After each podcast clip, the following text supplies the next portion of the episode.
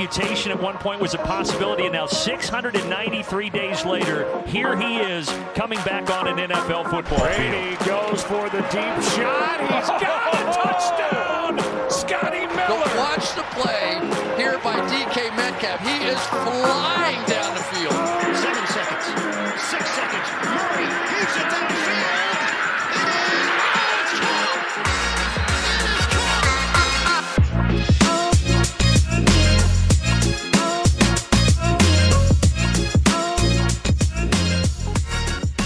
Dames en heren, welkom bij een nieuwe aflevering van de Sport Amerika NFL podcast. Het is vandaag een soort crossover aflevering, want de NFL Draft die nadert met rassenschreden en dus moeten we het hebben over een heel blik college spelers. En met wie kan ik dat beter doen dan met de Daniel Jeremiah van de Sport Amerika redactie? Dat is natuurlijk Lars Leeftink. Lars, goedemorgen.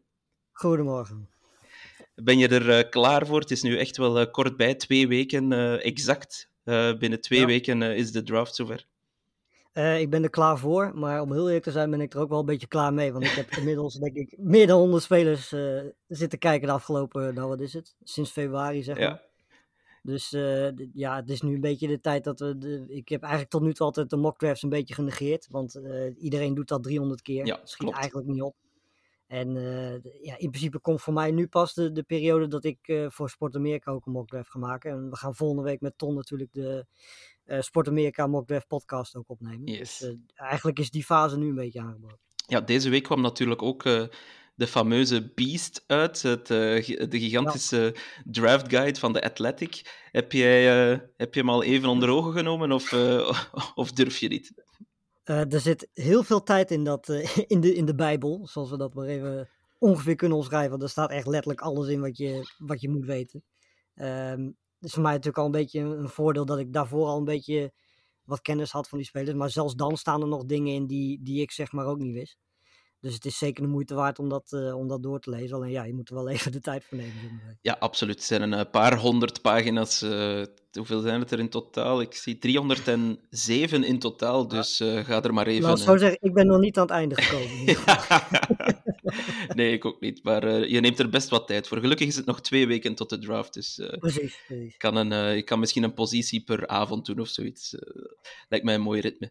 Ehm, goed, Lars, we gaan niet te veel tijd spenderen aan NFL-nieuws of, of, of wat dan ook. Ik kan trouwens melden dat Aaron Rodgers nog steeds geen jet is, dus daarmee is al het nieuws wel zo ongeveer gezegd. Dus laat ons maar meteen in de spelers duiken. Hè. En ehm, laat ons vandaag dus de, de focus op de offensieve spelers. En eh, ja, dan hebben we het natuurlijk in de eerste plaats over de meest belangrijke positie in de NFL, Lars, de quarterbacks. Ehm, het is ja, zo goed als zeker, het is 100% zeker, mag ik zeggen, toch, dat er een eh, quarterback op nummer 1 gaat eh, dit jaar. Ja, zeker. Ik denk eigenlijk vrij zeker de eerste twee wel. Dat, dat we die wel kunnen opschuiven. Ja, dat is, dan hebben we het natuurlijk over Bryce Young en CJ Stroud. Ik denk de, de vraag ja, die intussen eh, op ieders eh, lippen ligt, ehm, de Carolina Panthers, voor wie gaan ze gaan, denk je?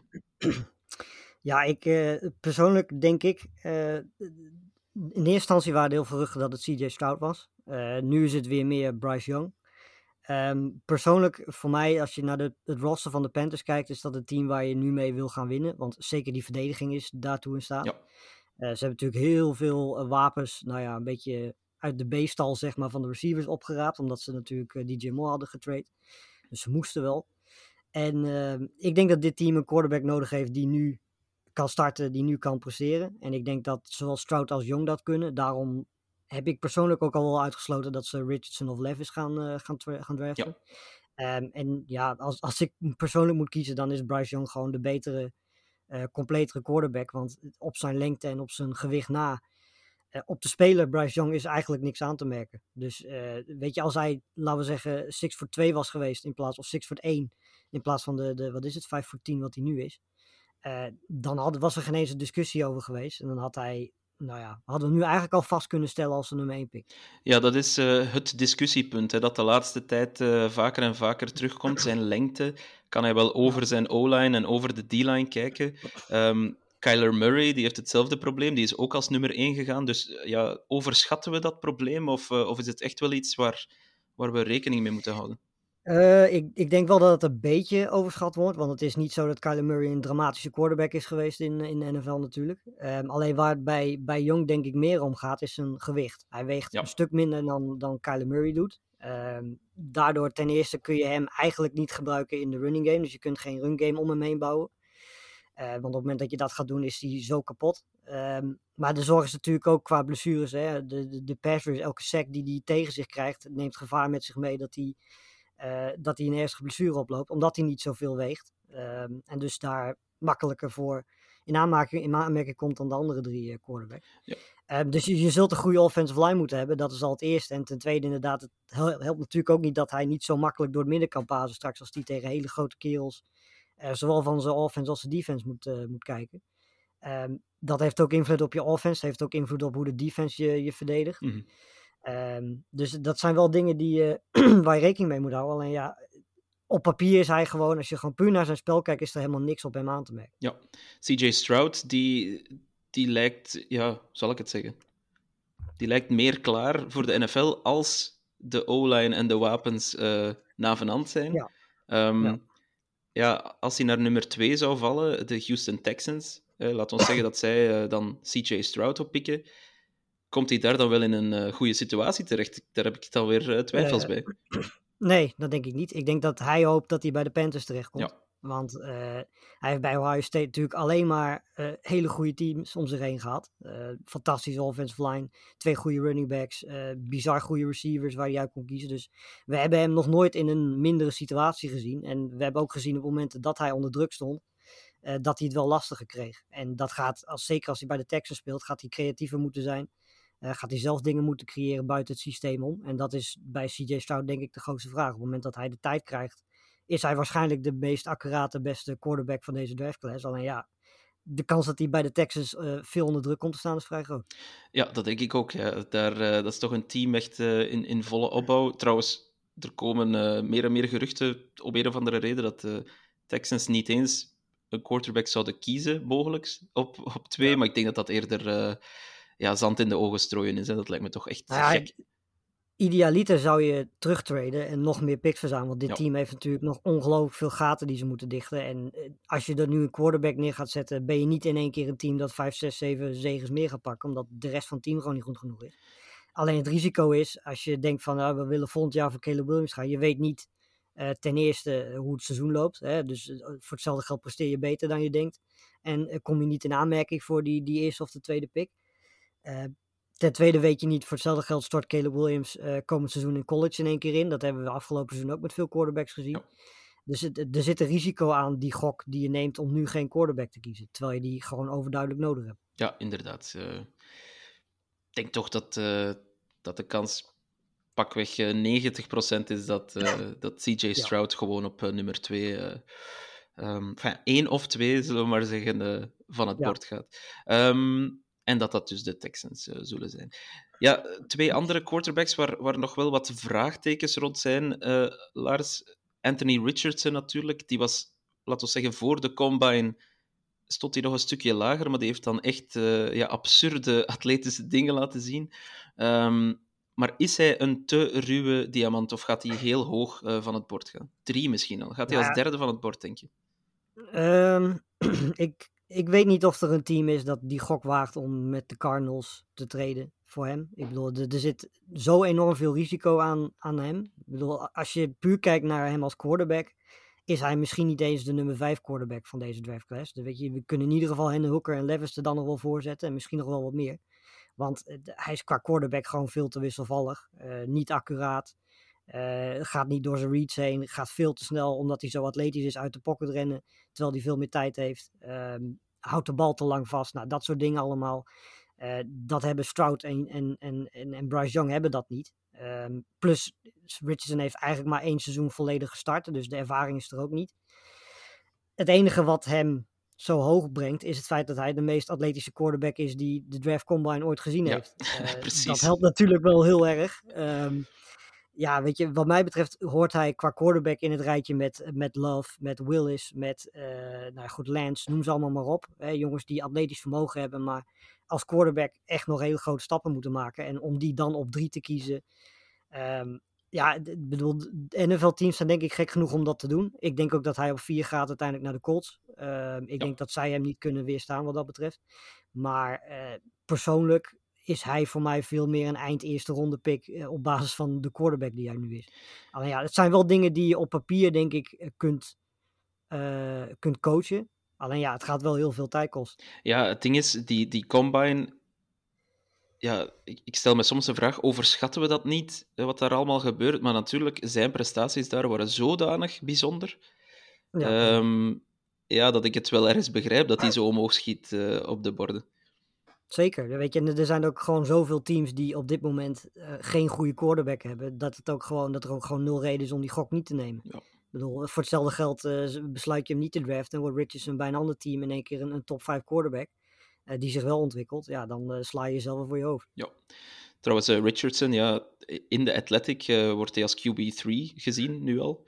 Ja. Ook het dertiende in het top 100 prospects bord. Dus ja, zij, zien, zij, zij, zij geven wel heel veel gewicht aan, aan zijn ja, atletisme. Qua, qua potentie is hij nummer 1, met afstand. Ja. Ik bedoel, er is, er is niemand in deze quarterback class die zoveel potentie en upside heeft als hij. Alleen, als je puur kijkt op quarterback, ik heb hem op dit moment op 4 staan. Ik heb hem achter Levis staan, want ik denk dat Levis uh, zijn atletisch vermogen wordt ook onderschat. Hij deed mij heel erg aan Josh Allen denken. Um, Vanwege het rennen, denk ik. Uh, ja. Vanwege het rennen, inderdaad, ja. ja. Maar ook hij heeft dezelfde quarterback problemen als, als Richardson heeft. Het enige verschil is dat Levis twee jaar heeft gespeeld in een systeem waar, eh, ja, wat ook in de NFL zeg maar gebruikt wordt. Dus hij is het NFL-systeem gewend. Dus dat is al een minder grote stap voor hem dan dat Richardson moet maken. En hij heeft twee jaar solide gespeeld. En dat heeft Richardson ook nog niet laten zien. Ja, Levis uit Kentucky um, is wel al 24. Is dat een uh, tegenargument uh, voor hem? Uh, ik denk op elke andere positie wel.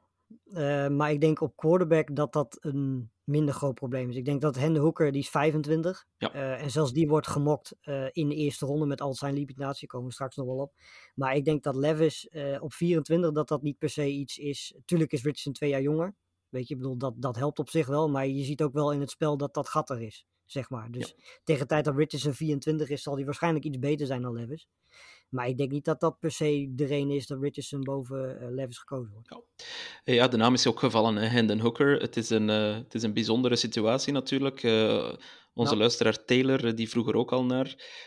wat onze visie erop is, ja, ik kijk gewoon naar de feiten, zeg maar, want ik kijk heel weinig college voetbal, maar als ik zie 25 jaar oud, wanneer je in de NFL zal starten, um, ja. Natuurlijk eind vorig jaar een, een torn ACL, um, dat zijn veel rode vlaggetjes, Lars, uh, rond Hendon Hooker. Ja.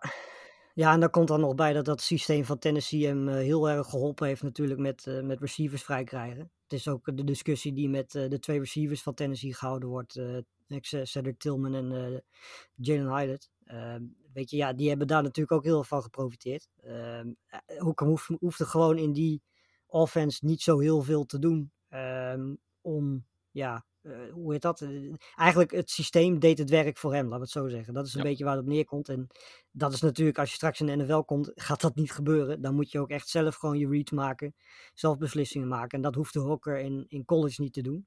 Nou ja, tel je de, zijn blessure erbij op en zijn leeftijd. Uh, ja, vind ik het vrij bijzonder dat hij nog aan het einde van de eerste ronde wordt gemokt. Ehm, in principe, als hij niet geblesseerd was geweest, was het logisch geweest. Ik denk, uh, op basis van het seizoen dat hij gespeeld heeft, uh, verdient hij die kans wel. Maar ik denk dat hij gewoon een dag twee, hè, ronde twee, ronde drie quarterback is. Ja, um, inderdaad. Ik zie sommige mocks waar hij inderdaad naar de tweede ronde valt. Um, de vraag is ook, wanneer, uh, wanneer is hij fit natuurlijk? Hè? Wanneer kan hij beginnen spelen? Ja. Want de combine kon hij niet doen, uiteraard.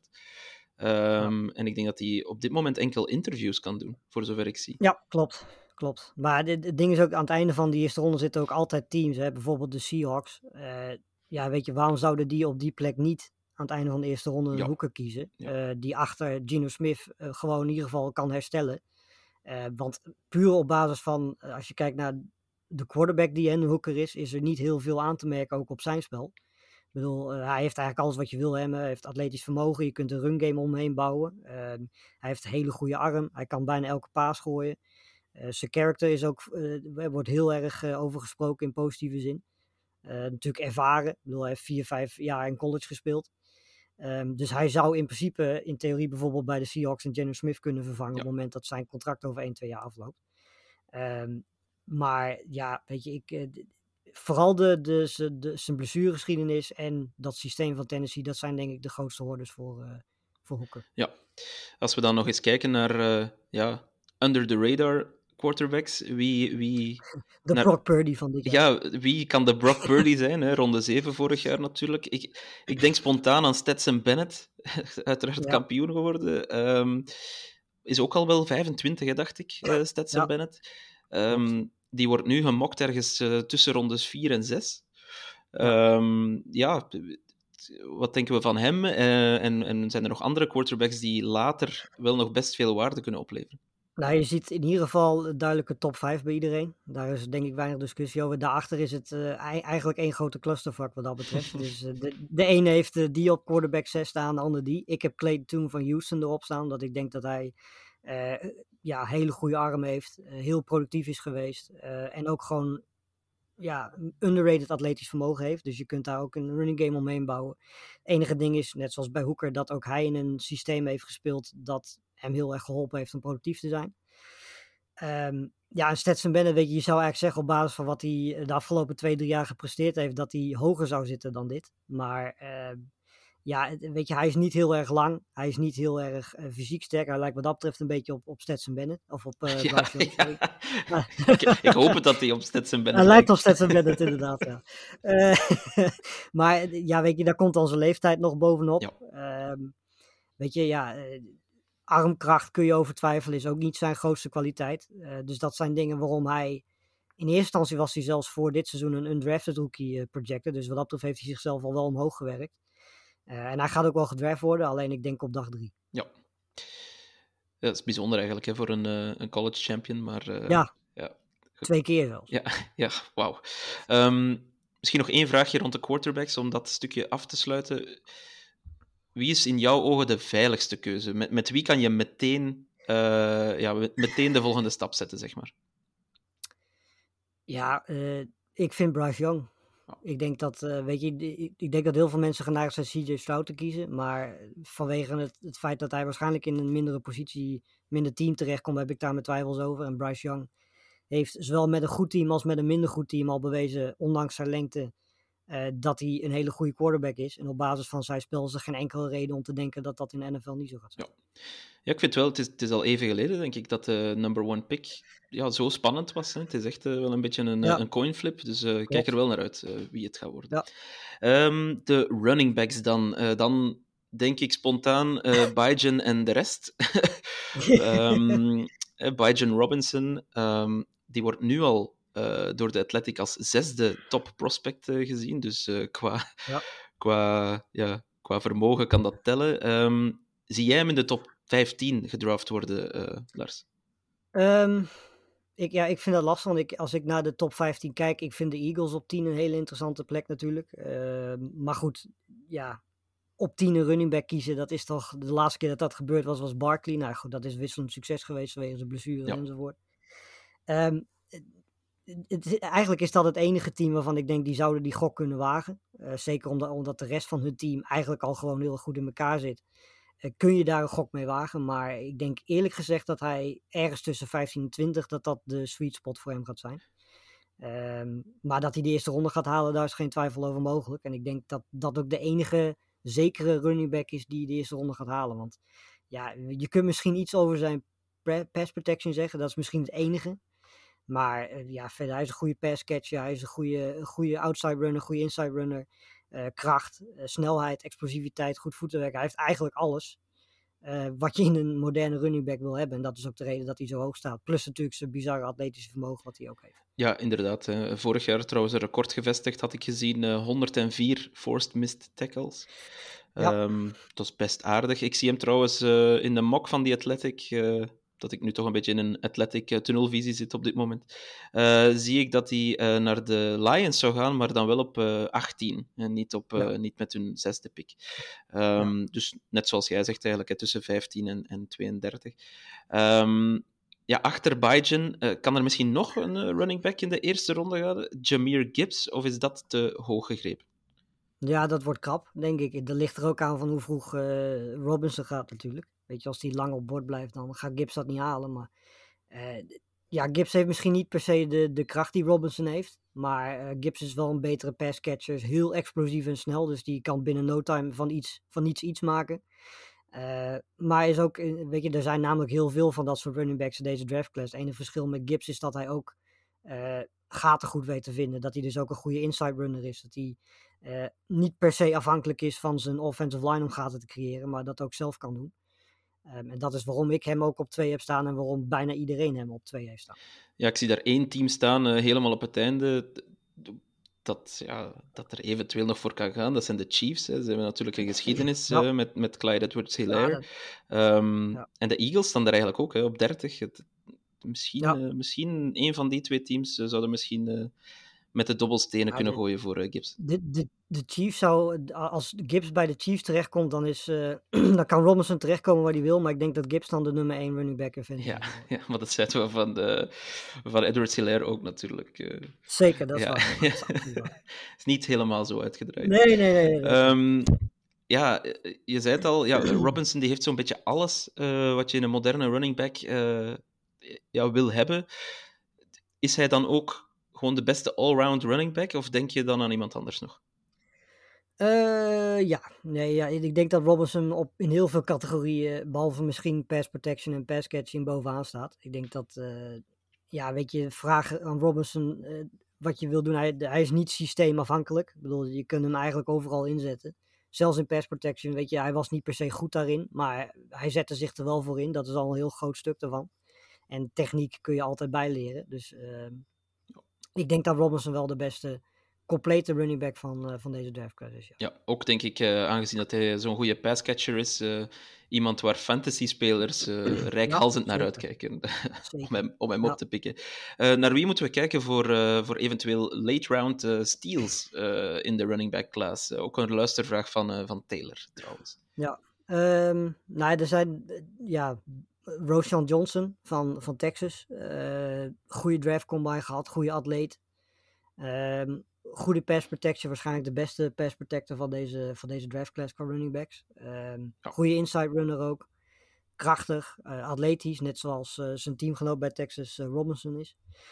En hij heeft niet zoveel uh, snaps gehad, omdat uh, Robinson natuurlijk voor hem stond. Dus die kreeg meer snaps. Ja. Uh, maar Johnson is veel beter dan wat hij bij Texas kon laten zien. En ik denk dat, eh, ik hoop dat NFL-teams dat dan niet onderschatten. Maar als dat wel gebeurt, dan kan hij op dag 2, misschien dag 3 een hele interessante keuze zijn. Eh, en iemand anders waar ik persoonlijk hoger van ben dan de rest, eh, is Abina Kenda van Pittsburgh. Die staat bij heel veel mensen volgens mij buiten de top 10. Ik heb hem op 4 staan. Oh ja. qua running backs. Um, eigenlijk simpelweg ten eerste is hij een jaar jonger dan iedereen in deze draftclass. De meeste zijn 22, 23 jaar, hij is 21.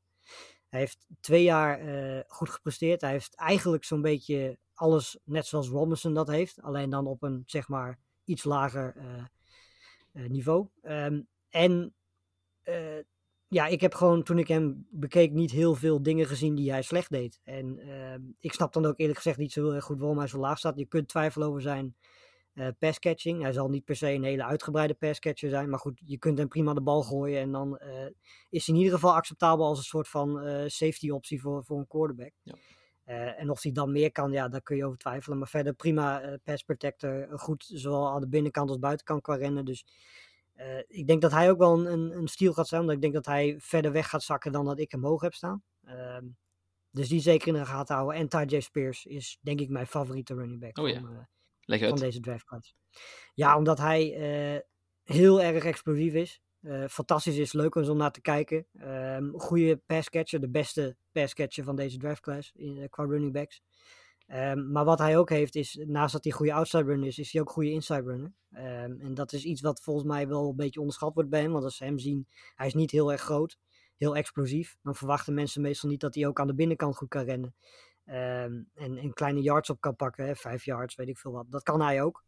Dus hij is redelijk compleet. Ik heb hem op, uh, op nummer 6 staan wel op mijn lijst. Dus er staan nog wel wat spelers voor. Maar uh, puur als je kijkt naar wie is het leukste om naar te kijken, dan zijn Tajay Spears en uh, Devon A-Chain de twee leukste running backs. Ja. Um, Ja, ik, ik zie ook wel persoonlijk zelf graag zo'n soort uh, bulldozer running back, hè? een Derrick Henry, ja. zeg maar.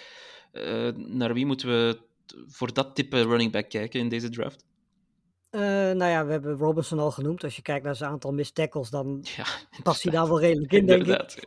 Ja. Um, ja, verder uh, Zach Charbonnet, Tank Bixby zijn denk ik ook wel twee spelers die je in die categorie kan noemen. Ik ben niet per se de grootste fan van hun als je kijkt naar, naar pass catch en als je kijkt naar uh, de, de rennen aan de buitenkant en explosiviteit. Dat hebben ze allemaal niet echt, maar zijn wel heel krachtig, echt agressieve runners wat dat betreft.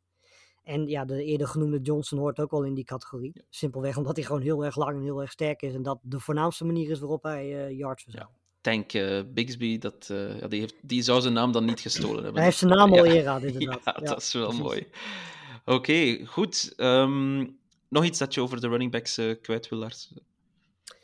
Um, nou ja, vooral dat er nog een paar kleine running backs zijn. Die denk ik dag drie gaan. Een Deuce Van, een Sean Tucker, Air Gray, Keaton Mitchell, dat soort jongens interessant om in de gaten te houden qua fantasy team ook. Goede passcatchers, explosieve spelers. En als die bij het juiste team terechtkomen, uh, zeker interessante naam om in de gaten te houden. Alright. De wide receivers dan. Altijd uh, natuurlijk een uh, interessante ja, positie. Um, die kunnen een team maken of kraken, zeg maar. ja, misschien voordat we specifiek in de spelers duiken, hoe evalueer je de, de klas van de wide receivers dit seizoen? Zijn ze, zijn ze op hetzelfde niveau dan vorig jaar bijvoorbeeld, of, of toch niet? Nee, nee absoluut ja, dat is duidelijk. Dit is, uh, zelfs de, de, de, van wat ik laatst hoorde, was dat NFL Scouts zelfs maar één uh, receiver echt als nummer één hebben. Oh ja. Als zeg maar in, in, de eerste ronde hebben. En dat is uh, Smith en Jigba.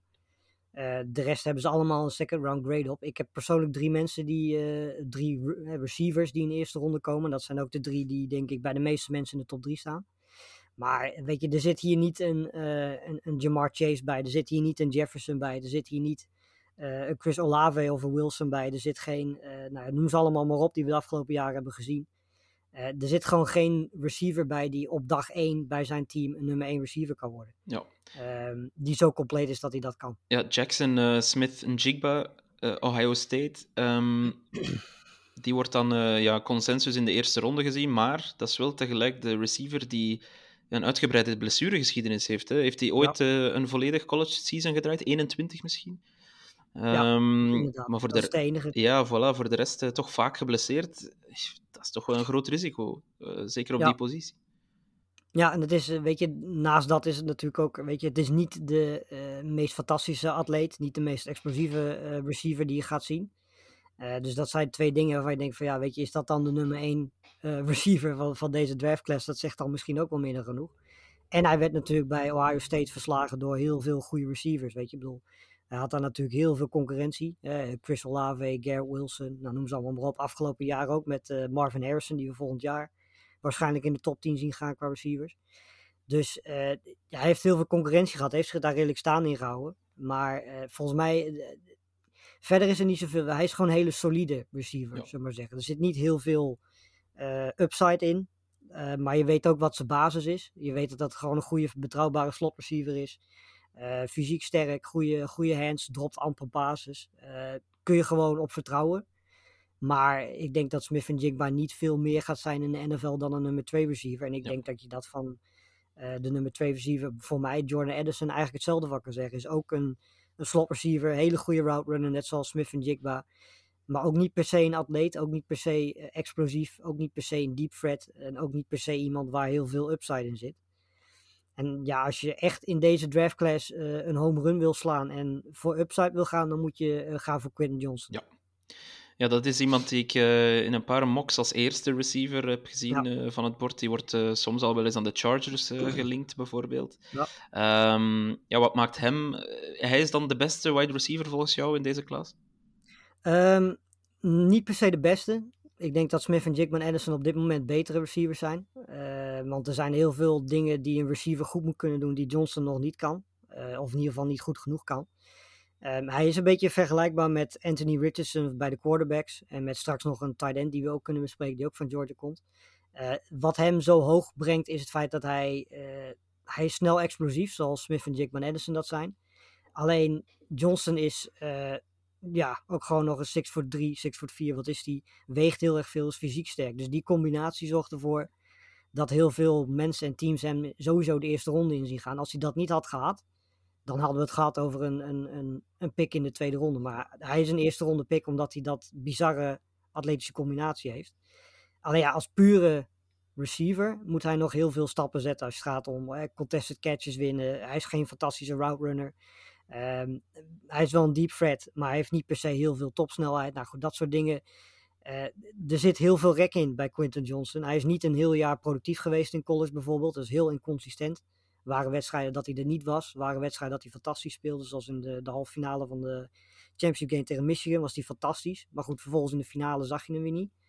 Uh, dat soort dingen moeten eruit. En ja, als, als dat lukt, dan is hij net zoals Richardson bij de quarterback is met afstand de receiver met de meeste upside in deze draft class. Ja, als je dat allemaal zegt, dan, dan zie ik het wel waarom hij aan de Chargers gelinkt wordt. Uh, daar kan hij natuurlijk achter uh, Keenan Allen en, en Williams. Nou, hij zou de perfecte in de schaduw staan. Van, ja. perfecte vervanger van Williams kunnen zijn als hij straks een keer uh, ja, afvalt. Want dat gaat natuurlijk een keer gebeuren. Absoluut. Uh, het is te hopen alleen voor de, de Chargers als hij dan naar hem gaat dat Johnson wat meer kan worden dan, dan, dan wat Mike Williams is. Want Mike Williams is natuurlijk vooral een outside receiver, uh, contested catch, uh, monster, red zone receiver. Ik denk dat Johnson wat meer potentie heeft. Alleen ja, de vraag is of dat eruit gaat komen. Dat, dat zullen we alleen maar over een paar jaar weten. Ja, qua upside zie ik in, in, uh, in de Beast twee receivers staan die, die nog boven Quentin Johnson uh, worden gezet. Uh, okay. Dat zijn namelijk Jalen Hyatt en Zay Flowers. Uh, wat, wat denk je daarvan, Lars? Jalen Hyatt ben ik het totaal niet mee eens. ik, ik ben bang dat Jalen Hyatt, we hebben het al gehad over Hooker en het systeem van Tennessee, dat hem dat heel erg geholpen heeft. Hyatt speelde eigenlijk in college als outside receiver constant 1 tegen 1. de, werd gewoon vrijgeskiemd. En Hyatt gaat een hele goede uh, deep threat zijn, denk ik, in, in, in de NFL. Omdat hij heel veel snelheid heeft. Prima route runner is. Ja. Uh, als je kijkt naar de basis. Um, maar hij, heeft tot, hij is heel erg dun. Uh, dus hij heeft, in college heeft hij niet te maken gehad met press coverage bijvoorbeeld.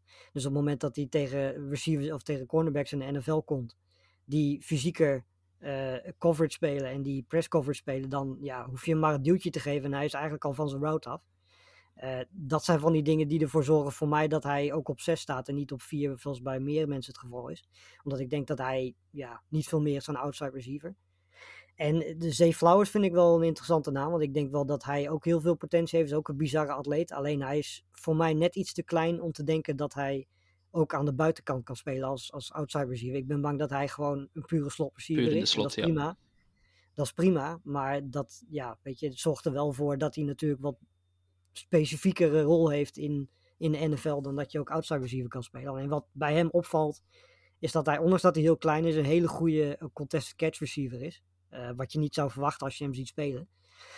Uh, en ik denk dat, voor, ik heb hem op 4 staan, uh, als, als second round pick. Ik denk dat hij dat ook wel gaat halen. Dat hij misschien zelfs het einde van de eerste ronde wel haalt. Ehm, maar uh, ja, ik, ik zie in hem niet veel meer dan een slot receiver, denk ik. En ik ben bang dat hij niet de kracht en de, uiteindelijk ook de, de, de lengte heeft om ook aan de buitenkant te kunnen spelen. Ja, opnieuw zijn de Chiefs misschien wel een interessant team, hè, die ja. Smith-Schuster hebben verloren. Um, ja, een naam om naar uit te kijken. Naar, naar wie moeten we kijken op dag drie bijvoorbeeld, uh, qua wide receivers?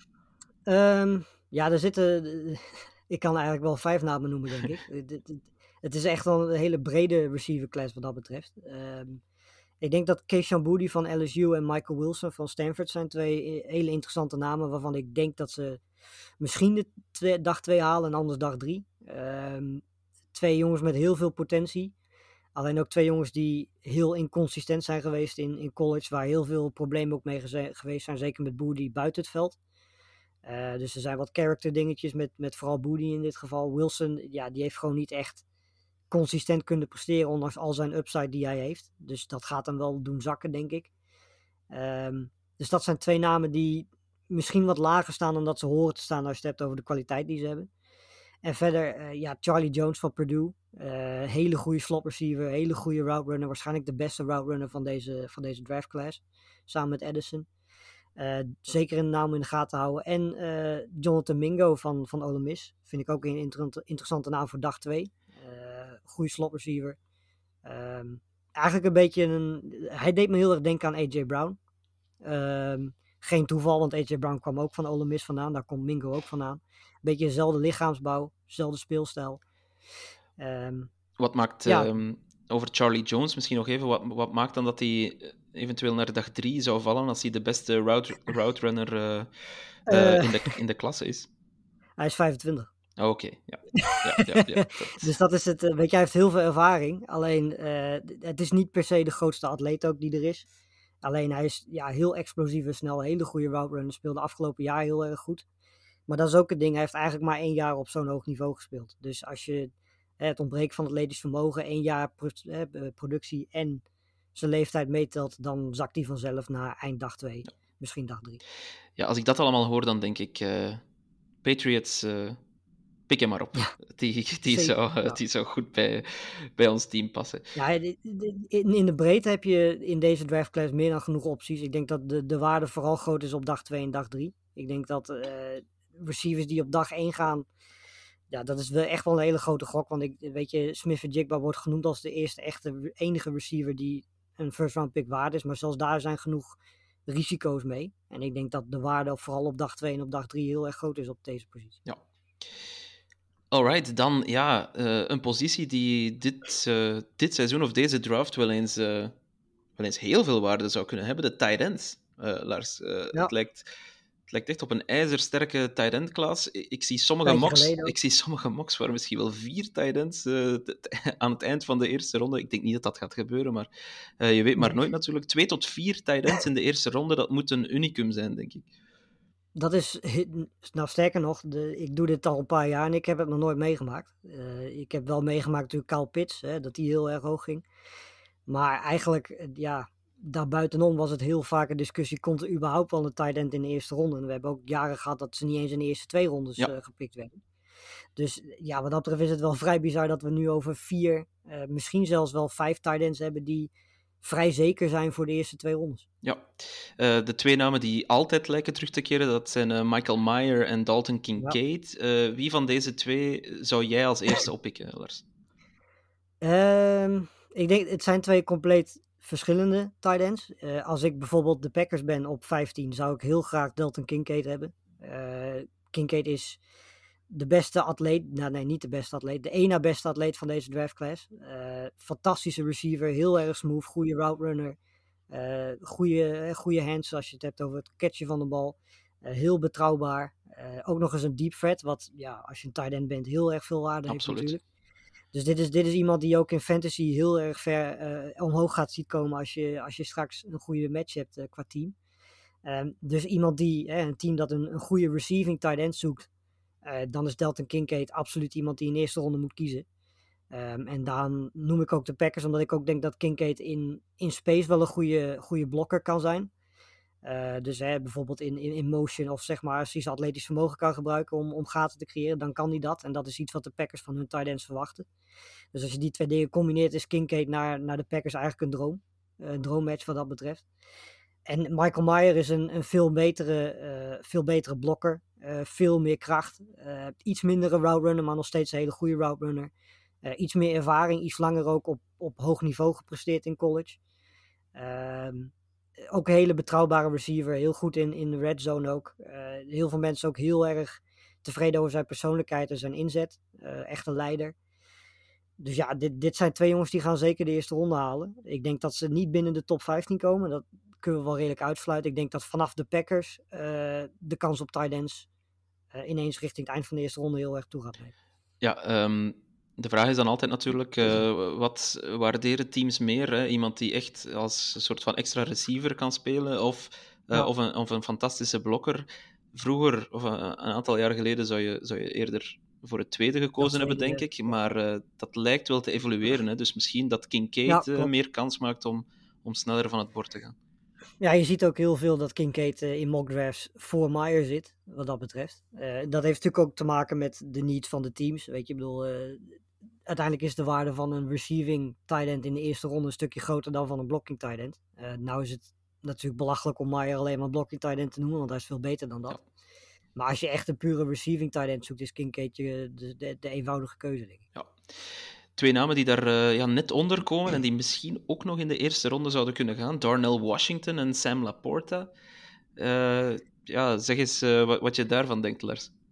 Ja, ik, ik verbaas mij over Darnell Washington eigenlijk al jaren. Ik kijk al heel lang college natuurlijk en hij speelt al een stuk of twee, drie jaar bij Georgia. En elke keer weer als ik hem op het veld zie staan, dan zie je eigenlijk gewoon een offensive tackle die het atletisch vermogen heeft van een receiver.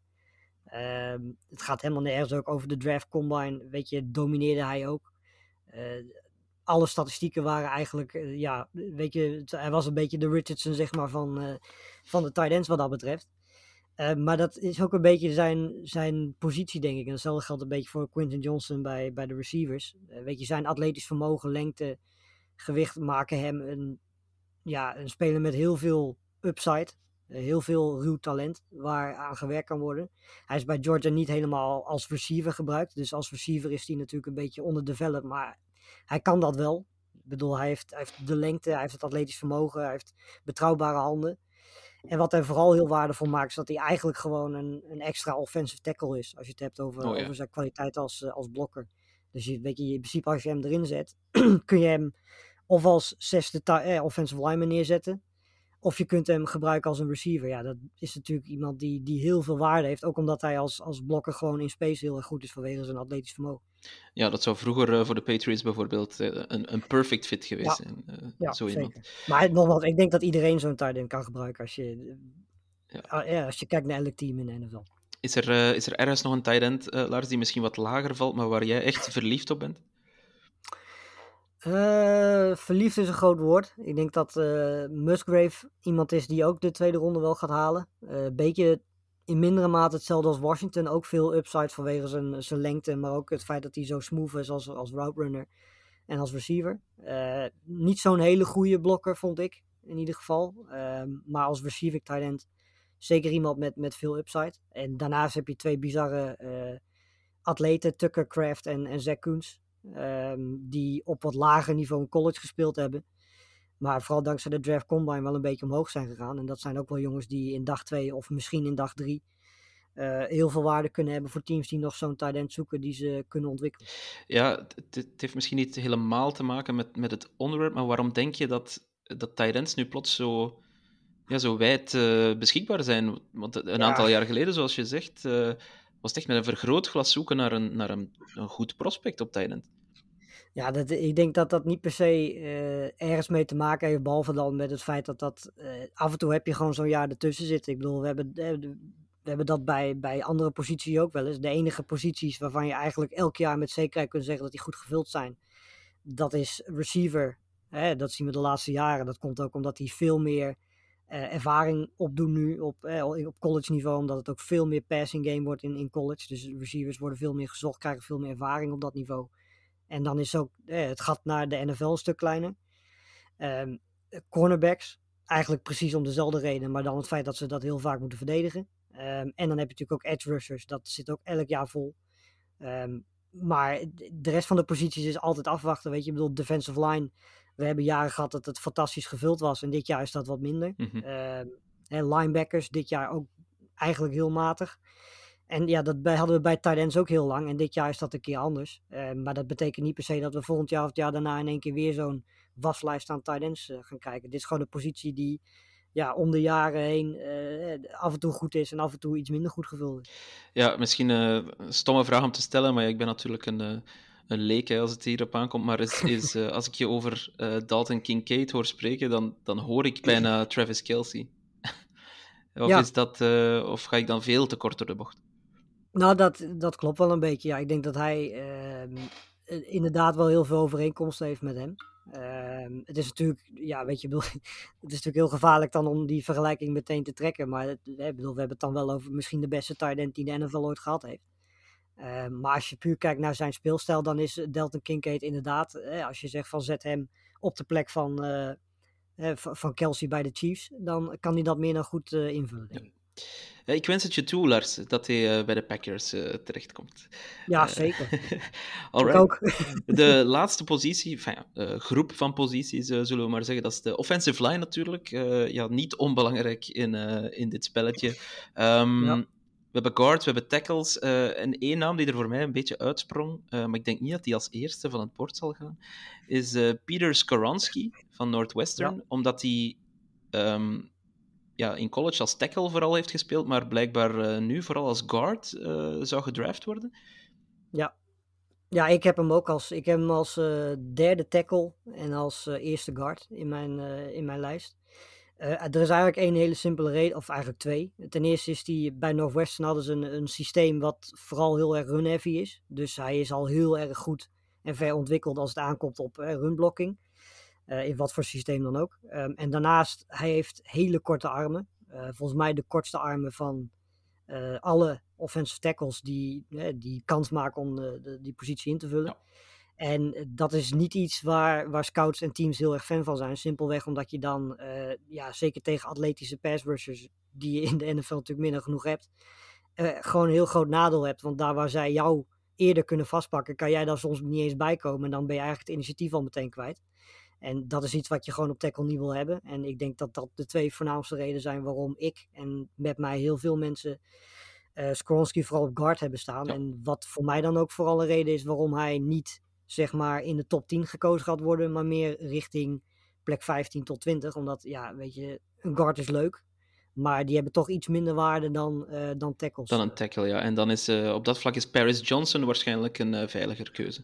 Ja, die is, dat is de meest veilige keuze inderdaad. Het heeft niet per se heel veel upside, maar het doet ook niet heel veel slecht. Heeft ervaring op beide tackle posities, heeft ervaring op guard. Dus je kunt hem eigenlijk zo'n beetje overal behalve op center neerzetten. Eh, er zijn weinig zwakke plekken aan zijn, eh, aan zijn spel terug te vinden. Het enige wat je misschien over kunt eh, praten is zijn functionele, functionele kracht. Hè? Dus niet per se pure kracht. Maar verder is dit, ja, hij staat bij mij ook bovenaan. Ik denk dat hij de top 15 eh, makkelijk gaat halen. Ehm, en ja, de- als we het dan we hebben, het is een beetje een, een, een terugkerend fenomeen in deze draft. Als we het dan hebben over jongens met heel veel ruw talent. Dan moeten we er weer eentje van Georgia noemen, eh, Broderick Jones. Ja. Eh, ik heb hem op twee staan. Ik denk, ja, bizarre atleet, hele lange armen, eh, heel goed voetenwerk. Alleen, ja, je zag het zeker in zijn pass rush. Het is nog een beetje in pass protection, een beetje inconsistent qua techniek en alles. Daar is hij nog een beetje onderontwikkeld vergeleken met, met Paris Johnson. Maar ik denk dat Broderick Johnson met afstand eh, de meeste potentie heeft om de nummer 1 tackle te zijn. Er zijn situaties vergelijkbaar met Anthony Richardson, Quinton Johnson en eh, Darnell Washington. En het is geen toeval dat drie van de vier eh, van Georgia vandaan komen. Ja, eh, ze zijn daar heel goed in het, in het niet slijpen van hun ruwe diamanten, blijkbaar. Precies. Ehm, Ja. Trouwens, The Athletic heeft hem ook als tweede tackle op hun bord, dus op dat vlak zit je wel goed, Lars, denk ik. Eh, ehm, wie- op offensive line, we zullen dan maar zowel guard als, als tackle nemen, wie, wie heeft nog heel veel upside, denk je, in deze draft? Eh, ik denk Anton Harrison eh, van Oklahoma. Die is 21 jaar, als ik me niet vergis. Dus die heeft ook nog een jaar voordeel op een paar van de andere eh, offensive tackles. Ehm, kan ook guard spelen, dus dat is ook een voordeel voor hem. Ook hij, net zoals Broderick Jones, nog een beetje onderontwikkeld natuurlijk. niet heel veel ervaring nog, dus er zit heel veel potentie in. Maar op basis van zijn atletisch vermogen is hij een hele interessante naam. En ik denk ook puur daarop dat hij het einde van de eerste ronde gaat halen. Ehm Darnell Wright is een hele interessante naam van Tennessee. Eh, die gaat denk ik ook wel in ieder geval de tweede, misschien zelfs eind eerste ronde halen. En een persoonlijke favoriet van mij is eh, Blake Freeland, de tackle van BYU. Ehm, Ik denk dat hij eerder op guard gaat komen dan op tackle. Speelde wel als, als tackle, deed dat op zich wel aardig. Maar omdat hij zo lang is, eh, heeft hij het heel erg moeilijk met snel, snel achter, Mhm. naar achter lopen. goede, snelle edge rushers verdedigen. Daar is hij meestal wel te laat mee. En ik denk dat hij als guard, zeker als je ook ziet hoe lang hij is en hoe krachtig hij is en hoe goede runblokker hij is, dat dat wel een hele interessante eh, guard is. Ehm, Ja, als ik, eh, Ja, als ik goed geteld heb, eh, tel ik dan vier, laten we zeggen, vier offensive linemen, drie tackles en een, en een guard dan, in de eerste ronde. Of, heb ik, of vergeet ik iemand? Nou, ik heb hem niet genoemd, maar Osiris Torrance van, van Florida komt er ook nog wel bij. Oké. Dus ik denk, ik denk twee guards. Als we Skoronski en Torrance als guards zien, dan die twee als guards. En dan Johnson, Jones en eh, Harrison in ieder geval als, als tackles. En dan wellicht Cody Mouch nog als guard. Ook een goede speler, maar wel van het tweede niveau van college. Dus dat is altijd een dingetje natuurlijk. Eh, en dus inderdaad een, een, ja, een Anton Henderson of een Darnell Wright als tackles, die kunnen het ook houden. Dus vijf zeker eerste ronde en drie die er tegenaan Ja, wat ik mis in de eerste ronde, Lars, zijn eh, centers. Daar, daar lijkt het Ja, iets niet, minder. ieder- niet iedereen is Tyler Lindenboom. Hè? Ja, klopt. klopt. Nee, ja, ik denk dat eh, voor dit jaar, weet je, er zitten best wel. Ik ben van twee heel erg fan. John Michael Smith, ten eerste vanwege zijn naam. Eh, ten tweede vanwege zijn, eh, vanwege zijn spel. Ehm, en Joe Tipman van, van Indiana vind ik ook een hele goede, hele complete. Er zit heel veel upside in. Maar dat, eh, ja, weet je, center is al niet een positie die heel snel in de eerste ronde gekozen wordt. Nee, en dan klopt. moet je echt wel een, eh, een, een complete speler als Tyler Lindenbaum zijn. En die zit gewoon niet eh, in deze draftclass. Dus de, de sweet spot gaat denk ik zijn de tweede ronde. derde ronde, vierde ronde. Daar zal het denk ik qua centers heel druk gaan worden. Ja, eerder richting tweede helft van de tweede ronde misschien zelfs. Ja, ja, Ja, ja. zeker. Ja. Alright, Lars, we zijn door alle posities heen, tenzij je ook special teamers wil behandelen vandaag. Special teams. Zijn dat spelers? nee joh, is prima. De, het merendeel van de special teams zijn ook vooral verdedigende spelers vaak. Hè? Dus ja. Ja. dat, eh, Klopt. als we dat doen, dan kunnen we dat in de andere podcast. Klopt. Ik, ik, volgens wat ik hier zie, zit in de top 100 eh, prospects ook geen kikker. Dus eh, op dat vlak. Nee, precies, inderdaad. Is er een speler, Lars, die, die we nog niet genoemd hebben en die je eigenlijk wel heel graag nog een bloemetje zou toewerpen? Ehm, ja. Poe. Goeie vraag. Eh, ik denk dat ik ze allemaal wel genoemd heb. Fantastisch. Dan hebben we een mooie tour gedaan van de offensieve spelers.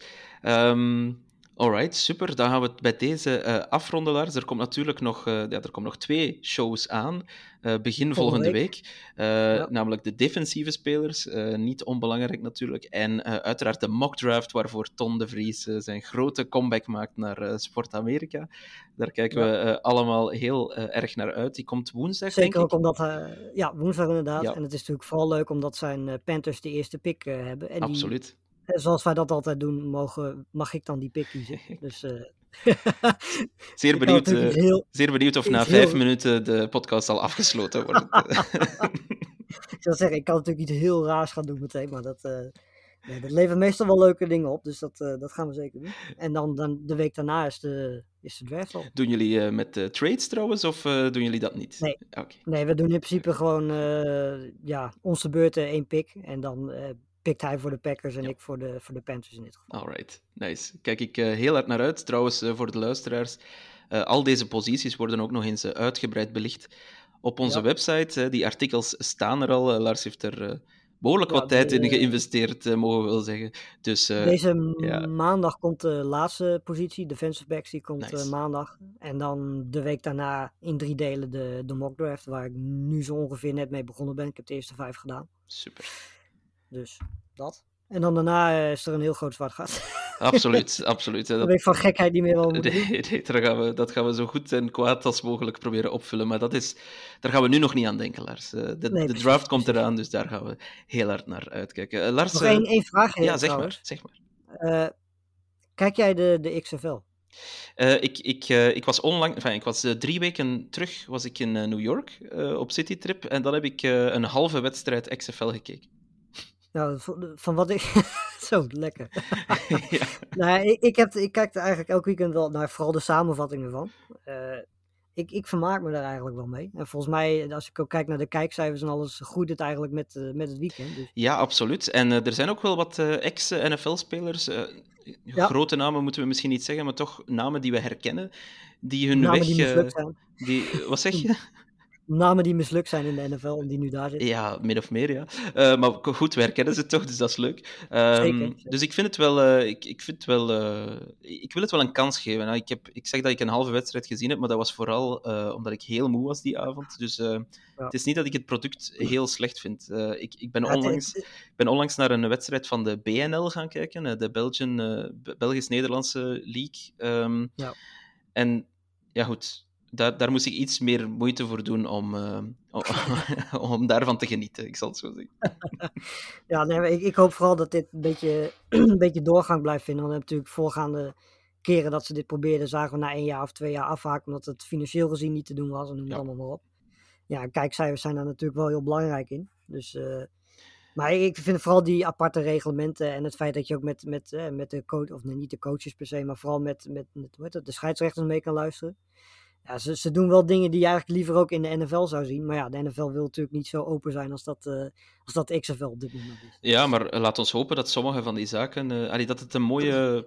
Hoe zal ik het zeggen? Een mooi laboratorium kan zijn voor de NFL. Ja. Want ik denk inderdaad dat er wel wat dingen in zitten die ook de fan-experience eh, kunnen verbeteren. Precies, en we gaan zeker ook uit de XFL spelen straks eh, richting de NFL zien. In ieder geval in practice squads en Ja. misschien ook wel op eh, uiteindelijk eh, het laatste roster richting nieuwseizoen. Ja, absoluut. Ehm, en daar kunnen er soms zelfs echt van, van slagen ook, hè? Of, een, of een permanent plekje vinden. Dus ik denk. Dus het is een win-win voor iedereen. Voor de spelers, voor, in principe ook voor de steden waar gespeeld wordt, voor de fans. Want er is langer, eh, langer merken voetbal. Dus. En voor jou om het eh, zwarte gat toch enigszins eh, op te vullen. Nou ja, dat, dat is dus het jammer. Want tegen de tijd dat de draft afgelopen is, is het seizoen ook afgelopen. Oh, oké. oké. Dat is dus ja, heel dat is jammer. iets, iets minder getimed wat dat betreft. ja, ja, dat hadden ze beter moeten voorzien, inderdaad. We zullen- Helaas. We zullen een brief schrijven naar The Rock. dat hij dat, precies. Alright, Lars, heel erg bedankt. Ehm, En Yes. tot volgende week. yes, gaan we doen. Alright, bye.